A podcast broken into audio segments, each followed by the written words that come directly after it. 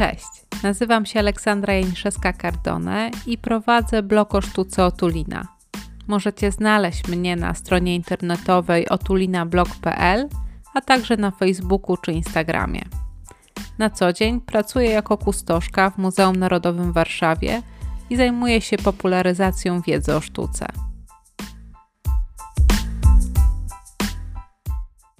Do nagrania dzisiejszego odcinka zainspirowała mnie aukcja, która miała miejsce w Desie Unicum 17 marca, czyli w zeszły czwartek, kiedy to osiągnięty został rekord aukcyjny za dzieło sprzedane na polskim rynku sztuki. I mówimy tutaj o portrecie kobiety namalowanym przez Rubensa i jego warsztat który to został sprzedany za rekordowe 12 milionów złotych, a razem z opłatami związanymi z aukcją mówimy o 14 milionach i 400 tysiącach złotych. I tak jak jest to sensacyjne wydarzenie na pewno na rynku polskim, ale wiąże się tutaj z samym dziełem no, wiele niewiadomych, ponieważ jak zawsze, gdy mamy do czynienia z dziełem sztuki dawnej, nawet jeżeli ma ono bardzo długą proweniencję do prześledzenia, czyli to pochodzenie i zmiany kolekcjonerskie, które są do prześledzenia w tym wypadku jeszcze od końca XVII wieku, to no, nie możemy być pewnymi wszystkiego, co chcielibyśmy wiedzieć, czy też nawet powiedzieć o tym dziele. I mm, tak samo jest w przypadku mm, owego portretu. Estymacja tego dzieła, czyli to, jak dom aukcyjny myślał, że zostanie ono sprzedane, była ustawiona bardzo wysoko, to znaczy pomiędzy 18 a 20 bodajże, nie wiem, 4 miliony złotych co oczywiście mm, tłumaczyło się z związkiem z osobą Rubensa, artysty no, niezwykle cenionego również teraz, jeżeli chodzi o kolekcjonerów. Niemniej, jeżeli chodzi o to konkretne dzieło, to wydaje mi się, że jednak ta wartość była mocno przeszacowana i też sama sytuacja e, samej sprzedaży pokazała, że rzeczywiście nie była to realna cena. Dla porównania, w 2020 roku e, na aukcji w Sotheby's e, dzieło, które również określane było jako dzieło Rubensa, zostało sprzedane za um, 3 miliony funtów, co daje 16 milionów 800 tysięcy złotych. Bardzo imponującą kwotę, ale za dzieło, które jest unikatowe, to znaczy nie ma znanych jego powtórzeń. Zupełnie inaczej niż w przypadku e, dzieła, które zostało sprzedane w Desie. Ono jest e, niezwykle piękne. Miałam okazję obejrzeć je na pokazie przedaukcyjnym.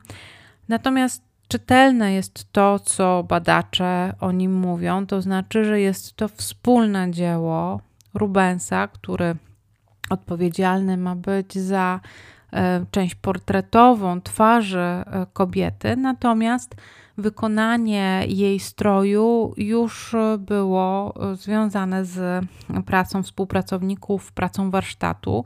I nie jest to w żaden sposób nic niezwykłego, ponieważ tak tworzył Rubens. To znaczy, on posiadał coś w rodzaju wręcz fabryki obrazów, gdzie zatrudniał artystów e, wykształconych, no, mistrzów w swoim fachu, którzy wykonywali wszystko poza tym, co było najważniejsze, jeżeli chodzi o sztukę portretową, czyli e, twarz i często dłonie. Natomiast już te elementy stroju czy elementy tła były wykonywane właśnie przed, przez, e, można powiedzieć, podwykonawców. W związku z tym to, co zaobserwowane jest w tym dziele z Desy, nie jest niczym niezwykłym i też nie ujmuje wartości samego dzieła. Natomiast fakt, że nie jest to unikatowa wersja, ponieważ znane są co najmniej dwie e, wersje tej samej kompozycji, które uznawane są za pracę Rubensa i warsztatu, a do tego jeszcze są cztery inne wersje, które tutaj badacze e, związani z takim mm, stworzeniem korpusu Rubenianum, czyli takiego zbioru wszystkich dzieł Rubensa i skatalogowania ich, no, te pozostałe powtórzenia różnie określają i no, już nie są one tak e, wysokiej jakości jak te dwa, o których mówię. Jest to dzieło z Mauritshuis w Hadze, a drugie jest z Wallace Collection w Londynie.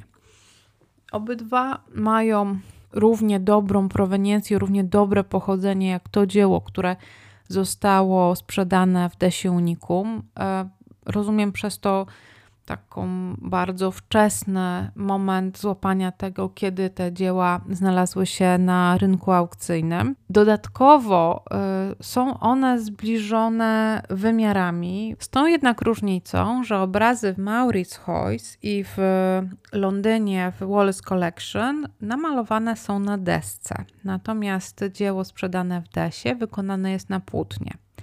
Brakuje jednoznacznej odpowiedzi na to, dlaczego tak się stało. Ja widzę tutaj dwie możliwości. Jedna y, jest taka, że obraz z desy również był namalowany na desce i w nieznanym momencie został przeniesiony, to się nazywa transfer, na podłoże na płótnie. Natomiast no, niestety nie mam dostępu do badań, które zostały wykonane tak, katalog aukcyjny podaje, że e, dzieło było poddane konserwacji, co rzeczywiście widać w Londynie e, w, między 2019 a 2020 rokiem, a jednocześnie zostały zrobione badania technologiczne w Courtauld Institute w Londynie również, które odkryły szereg takich aspektów technologicznych pozwalających wpisać to dzieło w twórczość Rubensa i jego warsztatu. Jednak no, odpowiedzi e, tutaj na temat podłoża w samej nocie katalogowej, aukcyjnej nie znalazłam. Na pewno um, można byłoby coś wywnioskować na podstawie owego raportu, na, który jest przywoływany, no ale on akurat um, nie jest powszechnie udostępniony. W nocie katalogowej aukcyjnej jest podana jeszcze druga możliwość, dlaczego dzieło mm, z desy zostało wykonane na płótnie. Być może e, miałoby to mieć związek z faktem, że ta wersja wykonana była z przeznaczeniem na, od razu na eksport, czyli do podróżowania I płótno oczywiście jest lżejsze i bardziej podatne na spakowanie, to znaczy można je zwinąć po prostu niż deska. I to miałoby być e, powodem wykonania tego właśnie e, na płótnie. Nie wiem, jak było, i prawdopodobnie nigdy się tego nie dowiemy. Natomiast jeszcze tutaj fakt funkcjonowania jednego portretu w kilku wersjach również nie jest niczym nietypowym, niczym niezwykłym. Musimy pamiętać o tym, że portrety były zamawiane jako reprezentacja osoby.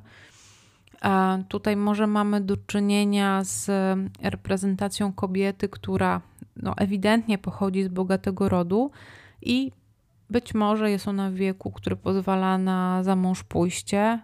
I jako taka zostaje tutaj panna na wydaniu, została ukazana właśnie w portrecie Rubensa. Czemu zostały zamówione, zostało zamówionych kilka wersji, tego nie wiemy.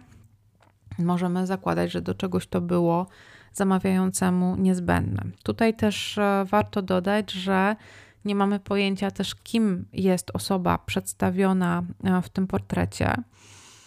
E, dawne katalogi aukcyjne czy też zapisy inwentarzowe, i to w przypadku y, różnych tych wersji, o których mówiłam, wymieniają y, rozmaite osoby, głównie związane z samym Rubensem. To znaczy, miałaby to być jego żona, pierwsza żona Izabela Brandt, która zmarła w 1626 roku, albo mm, jej siostra Klara Brandt, która zresztą wyszła za mąż za brata drugiej żony Rubensa, czyli brata Heleny Furmont. Tutaj mamy e, też takie właśnie pokazanie, że cały czas postać na tym portrecie jest interpretowana w obrębie kręgu rodziny Rubensa, albo w ogóle, że miałaby to być sama Helena Furmont.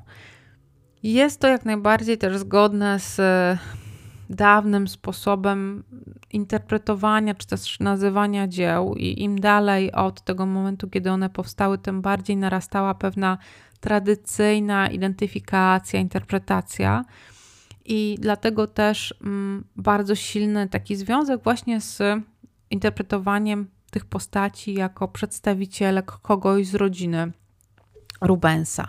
Jednak tym, co najbardziej mnie zainteresowało w interpretacji zaprezentowanej w katalogu aukcyjnym, to wskazanie na związek osoby sportretowanej z antwerpskim rodem Duarte, który był, jego przedstawiciele byli no, niezwykle znani, rozpoznawalni w XVII-wiecznej Antwerpii. Byli oni rzeczywiście niezwykle mm, bogaci. Była to rodzina pochodząca z Portugalii, która już w czasie, kiedy żyła w Antwerpii, była rodziną chrześcijańską, byli konwertytami, ale pochodzili z rodziny żydowskiej, która musiała uciekać przed inkwizycją e, z Portugalii.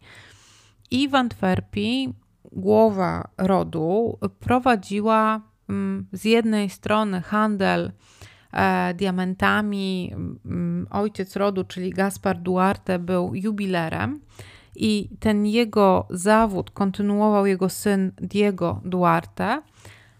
A przy okazji byli oni też niezwykle wrażliwi na uroki sztuki, zarówno muzyki, jak i sztuk plastycznych.